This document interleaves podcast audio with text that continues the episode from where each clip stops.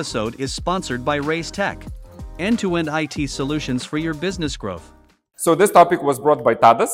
Um, so uh, by frameworks, I suppose you mean all the Scrum, Safe, uh, Less, Kanban, whatever, right? This is yes. In this discussion, these are frameworks, right? Okay. So uh, are they evil? Are they uh, are they good for the sake of uh, agility, as I'm guessing? So uh, maybe we'll start, Tadas, as you brought this topic up. Uh, we'll start with you, and why is it evil? Yeah, so um, wh- why I brought this topic because it brings a lot of controversy probably around everyone. You have a lot of agile coaches which uh, tend to bring their own truth, you know. Uh, frameworks sometimes denies it, so you have always a controversy there. And all the frameworks usually have some kind of training materials, which is like costs a lot of money. You need to get certified, works in some way as a franchise. And with all the layers they usually introduce, you can get easily lost. And probably what I see the most evil in any of those framework, you lose the sense and for the ownership. So you basically lose the ownership. You get lost in the framework and you lose the point of bringing some value and there is no ownership there. So I think this is most evil part which any of the frameworks can uh, bring you down with. Is actually a guy that brought me to a framework, so that's going to be fun. uh, they might be evil to some extent, but they are necessary evil because uh, I'm not even sure how could you navigate if you're working in the larger organizations, uh, in uh, working in very complex and big projects, programs even. And yes, I'm, uh, I'm using those swear words, projects and programs, but at the end of the day, uh, if you're doing the big changes, they are one or the other. And uh, in order to organize a lot of teams, a lot of value streams into achieving uh, uh, a target, you actually need to adopt something. And you're either working in a waterfall, the good old waterfall, when you're trying to plan everything and then seeing uh, crashing everything at the end.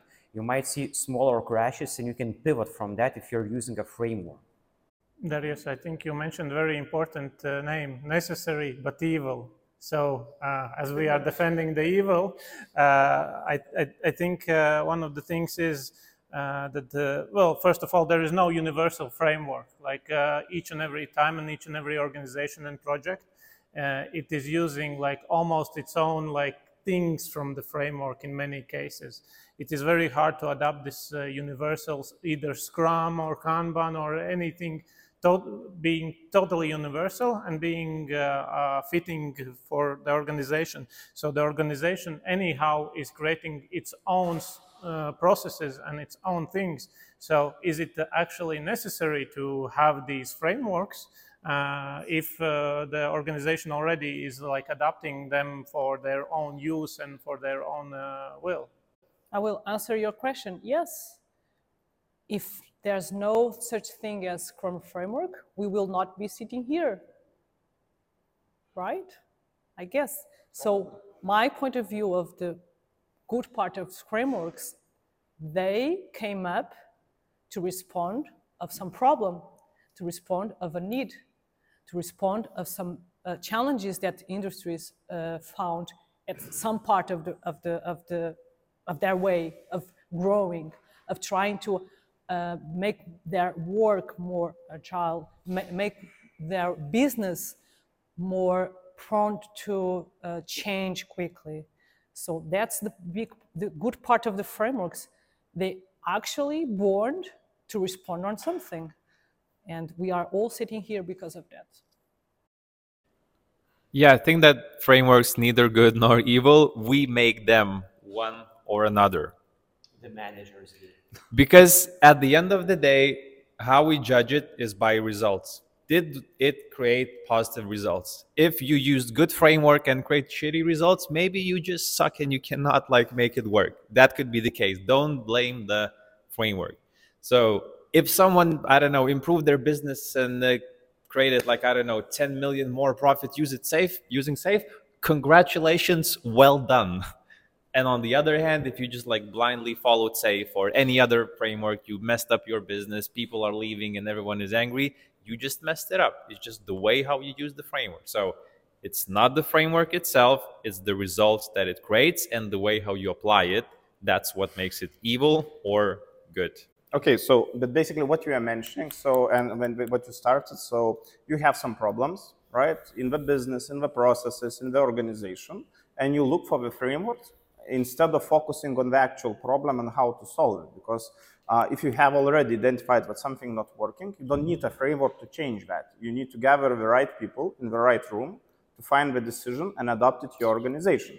Uh, if you start looking for a framework, as I said it before, you'll start uh, having those, you know, like you need a training, separate sessions, something, and you turn away from the value actually. So instead of focusing on the problems and being more efficient in the organization, you start searching answers in the framework, which doesn't necessarily know your business, right? So it can be an opposite effect. So if you look at the sequence, you have a problem, that's great. Looking for framework, great blindly applying it, bad. You look for frameworks to look for information and learn about something that someone else has done in the past and then checking if that could work in your context.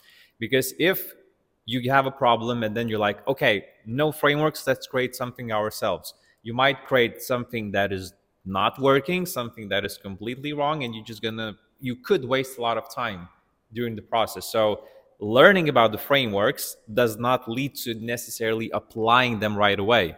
It could be learning about the framework and then saying, oh, yeah, this could work in our context, or no, let's not do this because this has this point and it's not relevant in our business. So, learning about the frameworks, good. Blindly applying them, bad. One thing that I would like to add, what um, Paul just said, uh, is that there is a big difference between framework and a process.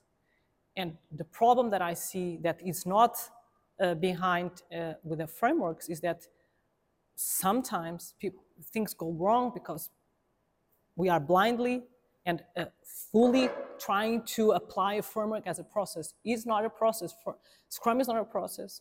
Less is not a process. Um, I will not talk about safe. Um, and um, we are talking about, again, frameworks that arise, try to uh, respond to some, some, some problems. But again, the business is the one that is responsible to understand how does this respond to our uh, problems, how this respond to our needs. That's the big difference that I see here frameworks are not processes. So, yeah, and uh, may I just one last thing? Uh, I'm very pro uh, of the thing that you've mentioned of gathering uh, the right people, uh, gathering the right people into the room to solve the problems. But frameworks that already exist, they just save time because uh, you might be spending a lot of time and getting back to something that somebody has already read or and could have just used from the from the very beginning. Of course, you don't need to follow them blindly, as my colleagues that have left already told, but at least uh, as a point of starting, it's a very good thing to not waste time on creating something anew. So I, I, have to agree on some arguments which probably Paul said. So basically, uh, when you have a problem and start blindly following, so instead of having two product owners agree on some end-to-end or whatever functionality, you introduce another role and hope that it will solve the problem. It's usually don't, but it's probably more not only framework thing, it's like universal thing, which you cannot resolve the issue, so you cannot basically move on. okay.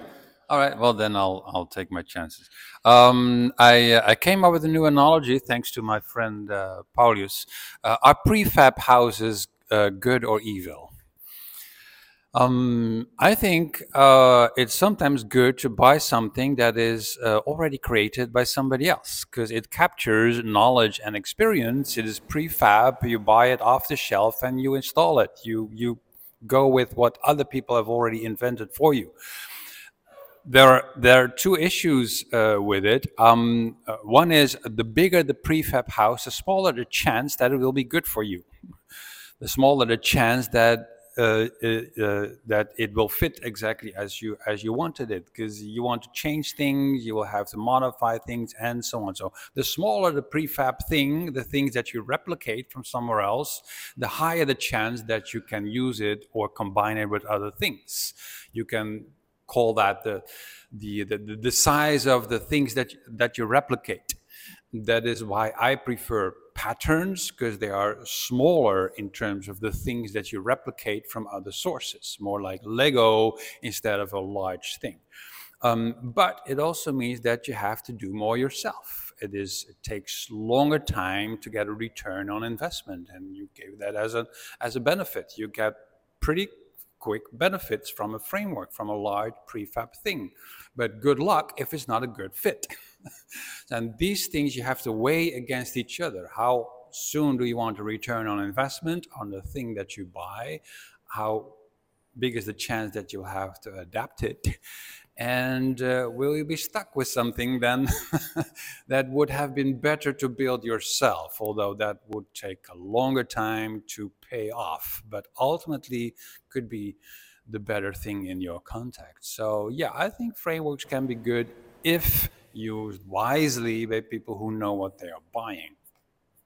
I think, as you mentioned, it is a very like uh, common thing to kind of save time and save uh, money because of that, uh, to kind of use already this existing framework and uh, try to implement it and then see and adjust but uh, I think it is that uh, you lose a lot as well because of that, uh, as you mentioned, uh, especially for bigger organizations, bigger things, and it is harder to fit them inside uh, those organizations and the needs of the organization and people and teams into those uh, frameworks, as there might be very different things. And because of that, the loss might get even a lot bigger uh, with the time uh, because it is kind of accumulating from those small things and uh, iterations when you didn't use the time to actually think uh, how you should be using it.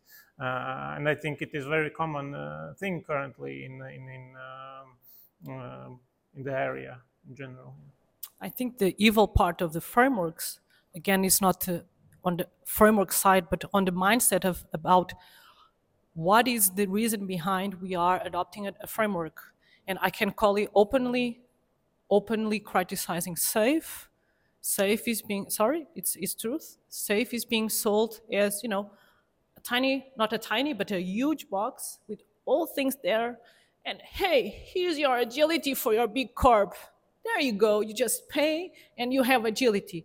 Wrong that's the problem behind the frameworks, and that's why I see also some evilness uh, behind it. Is that some big corps are uh, into uh, the easy way of just let's buy our agility period and we buy in a little box with all the roles already set up all the all the things that we need to do uh, with proper instructions like like like ikea like ikea kits right with all the pieces there, where they fit. That's it. We are agile. So that's the problem and the evilness of the frameworks is that the reason behind what a, a, big corp, especially big corps, because they have lots of money to you know spend around it, um, and the reason behind it.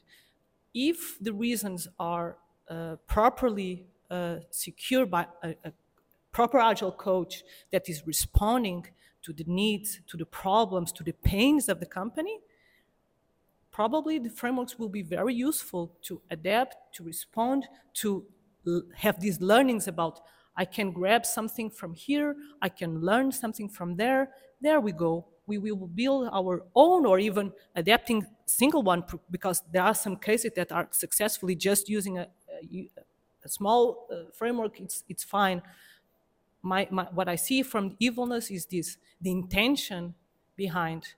And uh, I frankly say I can guarantee by because I have already my feet there and safe, it's being wrongly adapted for the wrong reasons, serving the interests of so many people defending their roles.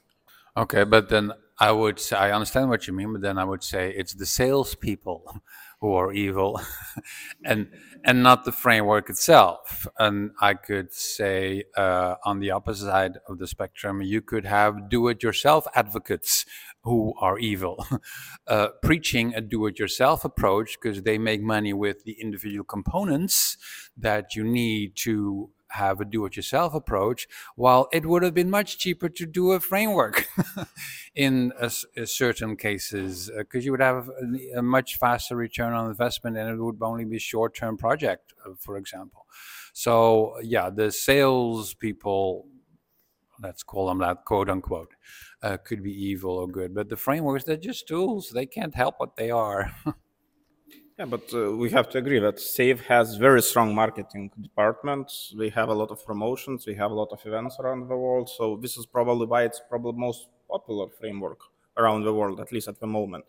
And if to answer the correct question, so why do you, we are implementing it? Because even in SAFe, we say that, right? Uh, if you don't need needs for scale, don't scale, basically. And people still do that. So, and that makes it probably the, the, the most evil part. Yeah, but that's that's not the issue of the framework itself. It's it's the issue of the people that are buying the framework. They're just not using it correctly. So the gun is the gun in itself is not a good or bad thing. It's the one who uses it. So that's the same with the frameworks. Some tools are just intrinsically bad. because of the way they design they are designed. You said about uh, the guns and the people who use it and like who, who is the evil person like is it the person or is it the gun? And obviously the gun can't shoot but at the same time you need to um, somehow within the laws uh, prevent people who are evil to acquiring it. So same would maybe go to the frameworks. I'll join the inside. yeah okay so probably will uh, because I have arguments from both sides because I've seen probably in, been in both sides and what also frameworks help if implemented properly. If you have an organization which is like I don't know twenty thousand people, you need to have common vocabulary, common cadences, which a lot of frameworks already addresses. You cannot hire that many agile coaches to cover all twenty thousand people and having some baseline framework can help a lot to know to synchronize on at least some of the points but you need to be careful because we mentioned a lot of those parts before. You can go easily go sideways and, and, and create more uh, bad habits, how to call it in polite manner. um, I um, I, I rem, uh, remember once going down to the reception of a hotel in Montreal because I couldn't figure out how to drain the water of the sink in my bathroom. So I had hot water in the sink. I had washed my hands, and now how do I drain it? Where there was no button, there was there was nothing there. For five minutes, I couldn't figure. It. I had to go down to the reception to ask, and then turned out I was not the first one to ask what you had to do is you had to push the silver thing at the bottom of the sink so that it went out, and then the water would drain. And I said, You mean I have to insert my hand into the hot water to have it drain? That, that is an evil, evil sink. that is just incredibly bad design. Just and because of the I'm not the only one here coming at the reception who couldn't figure this out. So that means that it is badly designed. I use it as an example of there are good tools and there are bad tools because of how they are designed. And I think some frameworks out there are inherently evil because they invite a certain behavior of people who don't know what they're doing what they're doing with it or they hurt people because of how they are designed and then i can't say in general that frameworks are bad but some of them suck pretty much yeah uh, uh, on the evil side of the spectrum yeah, but we are again coming back to the people. So basically, who implements the framework? Because I really saw some, let's say, uh, agents of a framework who don't know the basic Scrum functionality, right? So we don't have a basics, but already build a few layers above, right? So uh, that can ha have very negative effects on the organization. Yeah, I just believe that uh, you know it's very difficult to generalize on such a big level because there's a ton of frameworks. There's a ton of people that are able to implement it in a good way or in a bad way. Mostly we're just talking for our experiences. We all some, saw something good, something bad, something works, some, something doesn't work. And just from the sum of our experiences, we're trying to generalize into is it better or is it worse actually in the real life? So it's something. So we are coming to the basics and to the people, as in before So, topic. so- sounds like a summa- summary uh, starting up, at least from the green side. Any any last sort of a closing remarks by the red side? So what's next after the frame, frameworks if they are evil? Patterns. So you get trapped in a wheel and just. Next, oh, in 10 years, we will discuss are pattern libraries uh, good or evil? Yeah. Okay, so thank you very much for, for the discussions, for everyone who took part in it. Yeah, thank you.